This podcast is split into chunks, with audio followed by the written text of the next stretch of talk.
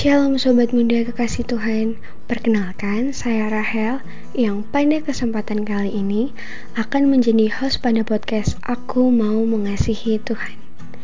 Tentunya Sobat Muda sudah sering mengikuti setiap episode dari podcast ini kan? Podcast yang dibuat oleh Wonogiri Student Revival, WSR, mengajak Sobat Muda untuk belajar mengasihi Tuhan. Podcast ini akan dirilis setiap hari Jumat jam 3 sore jadi setialah mengikuti setiap episodenya ya, jangan sampai ada yang terlewatkan, supaya sobat muda bisa belajar dengan lengkap dan bisa mengalaminya dalam hidup sobat muda semua. Oke sobat muda, sekarang kita akan ngobrol-ngobrol lewat segmen BTW, bincang-bincang teman weekend yang pada BTW kali ini saya tidak sendirian, saya akan berbincang-bincang dengan tamu spesial untuk bisa belajar bersama. Siapakah tamu spesial kita kali ini? Jangan ke mana-mana, stay tune terus ya. Pada podcast BTW kali ini merupakan rangkaian dari bedah buku Menghidupi Injil dan Menginjili Hidup. Di episode sebelumnya kita sudah belajar tentang teologi keinginan dan kali ini kita akan belajar tentang bagaimana Injil mengubah seorang pemarah. Nah, saat ini kita sudah bersama dengan gue star kita, yaitu Mbak Asri. Yuk kita sapa dulu. Halo Mbak Asri, apa kabar? Halo Rahel, puji Tuhan, kabar saya baik dan sehat.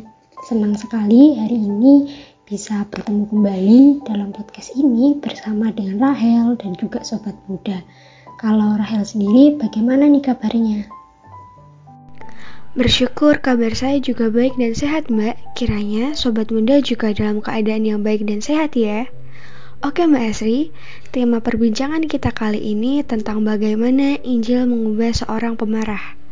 Kalau berbicara tentang marah, kadang tidak mudah ya bagi kita untuk mengontrolnya Terlebih jika hal tersebut sangat menyakiti hati kita. Nah, kalau menurut Injil, marah ini dipandang seperti apa ya Mbak? Wah, makasih Rahel untuk pertanyaannya. Terkait dengan marah ini memang nampaknya menjadi sesuatu yang cukup menarik buat kita semua ya. Oke, sebelumnya kita perlu tahu dulu nih gitu bahwa ternyata kemarahan itu tidak semuanya berdosa. Oh, kok bisa seperti itu? Nah, nanti akan saya jelaskan lebih lanjut. Lalu terkait dengan kemarahan, uh, ada salah satu tokoh yang mengatakan nah, namanya Aristoteles bahwa setiap orang itu bisa marah dan itu tidaklah sulit. Tapi marah kepada orang yang tepat di level yang tepat pada waktu yang tepat untuk alasan yang tepat dengan cara yang tepat itu sangatlah sulit dan tidak banyak orang mampu melakukannya. Lalu terkait dengan kemarahan yang tidak berdosa tadi, eh, kita bisa melihat eh, ada di dalam Markus 11 ayat 15 sampai ayat yang ke-19. Saya bacakan. Lalu tibalah Yesus dan murid-muridnya di Yerusalem. Sesudah Yesus masuk ke bait Allah, mulailah ia mengusir orang-orang yang berjual beli di halaman bait Allah. Meja-meja penukar uang dan bangku-bangku pedagang merpati dibalikannya. Dan ia tidak memperbolehkan orang membawa barang-barang melintasi halaman bait Allah Lalu ia mengajar mereka, katanya, Bukankah ada tertulis, rumahku akan disebut rumah doa bagi segala bangsa, tetapi kamu ini telah menjadikannya sarang penyamun. Imam-imam, kepala, dan ahli-ahli Taurat mendengar tentang peristiwa itu, dan mereka berusaha untuk membinasakan dia, sebab mereka takut kepadanya, melihat seluruh orang banyak takjub akan pengajarannya. Menjelang malam, mereka keluar lagi dari kota. Nah, Markus 11 ayat 15 sampai dengan yang ke-19 tadi menceritakan tentang peristiwa di mana Tuhan Yesus juga pernah mengalami kemarahan karena sedih hatinya melihat bait Allah itu dikomersilkan dan bahkan menjadi sarang penyamun. Wah, jadi ternyata tidak semua kemarahan itu berdosa ya, Mbak. Terus bagaimana ya agar kita dapat mengelola perasaan atau hati kita ketika kita merasa ingin marah? Wah, pertanyaan yang bagus nih Rahel. Oke, sebelum masuk ke sana, kita perlu sama-sama pahami dulu bahwa ada dua kategori kemarahan, yaitu kemarahan yang berdosa atau sinful anger dan kemarahan yang benar atau righteous anger. Nah, lalu terkait dengan pertanyaan dari Rahel tadi tentang bagaimana mengelola kemarahan, tentunya kemarahan yang berdosa itu haruslah kita buang dan kemarahan yang benar perlu kita nyatakan. Ketika kita marah e, karena nama baik atau reputasi kita dan karena kita yang dilanggar, sering kali itu dapat membuat kita berdosa. Kenapa seperti itu? Tentunya karena semuanya itu berpusat kepada diri kita sendiri. Namun, ketika kita marah karena reputasi dan kemuliaan Kristus diinjak-injak, pasti benar. Karena pusatnya bukan pada diri kita, tetapi pada Kristus saja.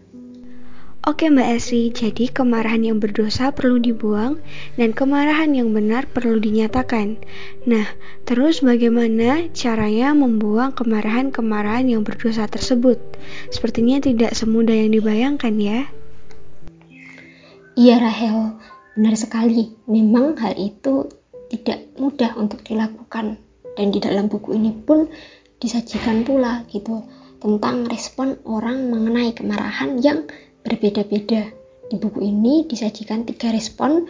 Yang pertama itu respon orang tak beragama, yang kedua respon orang beragama, dan yang terakhir ada respon orang berinjil. Pertama, kita akan membahas dulu tentang respon orang tak beragama. Nah, respon orang-orang ini cenderung menormalisasi meledaknya suatu amarah. Mereka menganggap bahwa kemarahan hanyalah ekspresi emosi manusiawi dan natural. Mereka menganggap bahwa apabila tidak berani untuk marah, maka akan mudah untuk diinjak-injak dan disepelekan oleh orang lain. Lalu yang kedua, itu tadi ada respon orang yang beragama. Nah, respon orang-orang beragama ini adalah bahwa amarah dapat mendatangkan murka Allah dan Allah dapat mengurangi berkatnya untuk mereka. Oleh karena itu, mereka berusaha dengan kemampuan mereka sendiri untuk menahan diri agar tidak terpancing amarah. Misalnya saja, berusaha lebih keras dengan berdoa lebih sungguh dan membaca firman lebih rajin.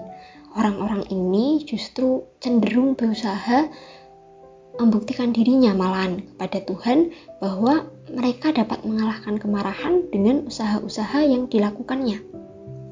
Lalu yang terakhir itu ada respon orang berinjil. Respon orang-orang ini adalah mereka sadar bahwa tidak ada apa pun yang dapat mereka lakukan untuk menambah atau tidak lakukan untuk mengurangi kasih Allah.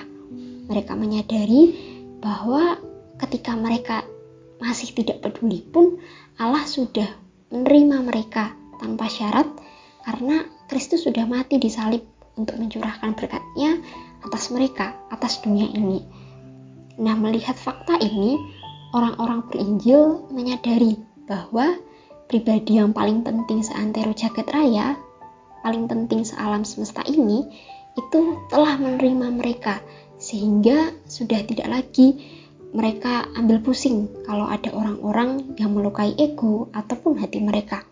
Mereka sudah tidak lagi dikuasai oleh amarah, oleh perasaan. Sebaliknya, apabila orang-orang ini menjadi korban kemarahan orang yang lain, mereka tidak membalas dan tidak merasa hancur karena ada Kristus yang menopang mereka.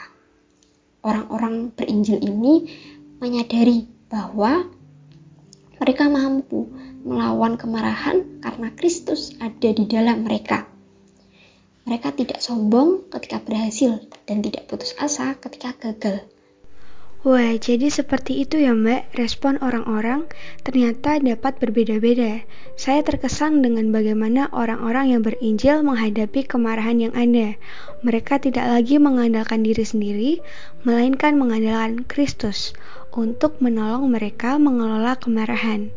Nah, lalu kira-kira bagaimana ya kita sebagai seorang yang sudah mengenal Injil bisa merefleksikan tentang kemarahan ini dalam hidup kita. Iya Rahel, ketika orang sudah mengenal Injil dan Kristus hidup dalam hati mereka, maka ia sudah tidak lagi mengandalkan kekuatannya sendiri karena sudah menjadi manusia baru dalam Kristus.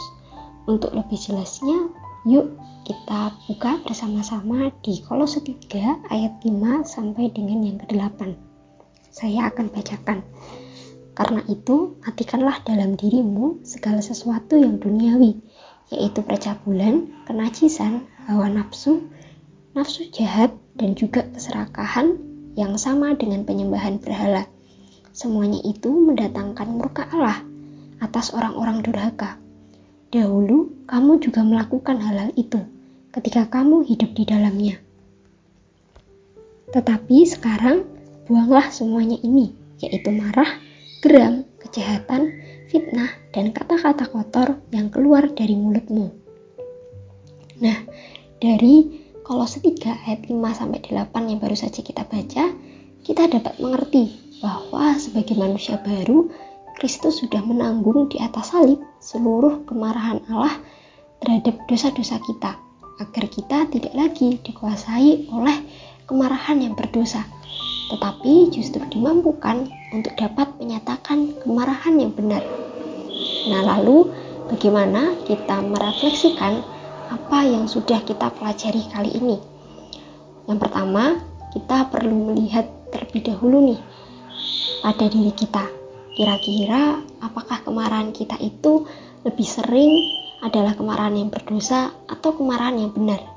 Lalu yang kedua, kita dapat merenungkan dari sejak kita menjadi percaya, apakah ada cara marah kita yang berubah oleh karena Injil yang sudah kita terima. Nah, kita dapat merenungkan dua hal tersebut untuk menolong kita menerapkan apa yang sudah kita pelajari bersama di hari ini tentang bagaimana Injil dapat mengubah seorang yang pemarah. Oke Mbak Esri, terima kasih banyak sudah berbagi tentang bagaimana Injil mengubah seorang pemarah. Saya juga merasa terberkati dengan podcast kali ini. Kiranya sobat muda semua juga terberkati melalui perbincangan kali ini. Tuhan Yesus memberkati Mbak Asri.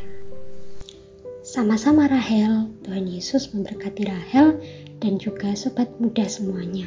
Sampai jumpa lagi di lain episode teman-teman.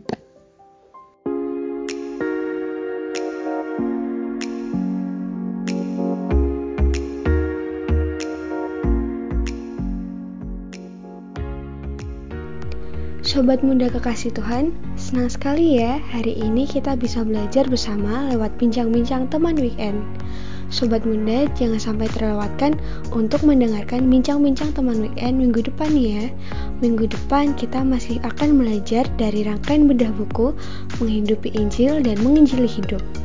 Tentunya bincang-bincang minggu depan tidak kalah seru untuk kita pelajari dan kita alami bersama. Kalau ada sobat muda yang ingin berdiskusi, bertanya, memberi masukan, boleh deh sobat muda sampaikan lewat Instagram WSR di @wstudentrevival. Oke, sekian podcast kali ini. Gabung lagi minggu depan ya. Tuhan Yesus memberkati.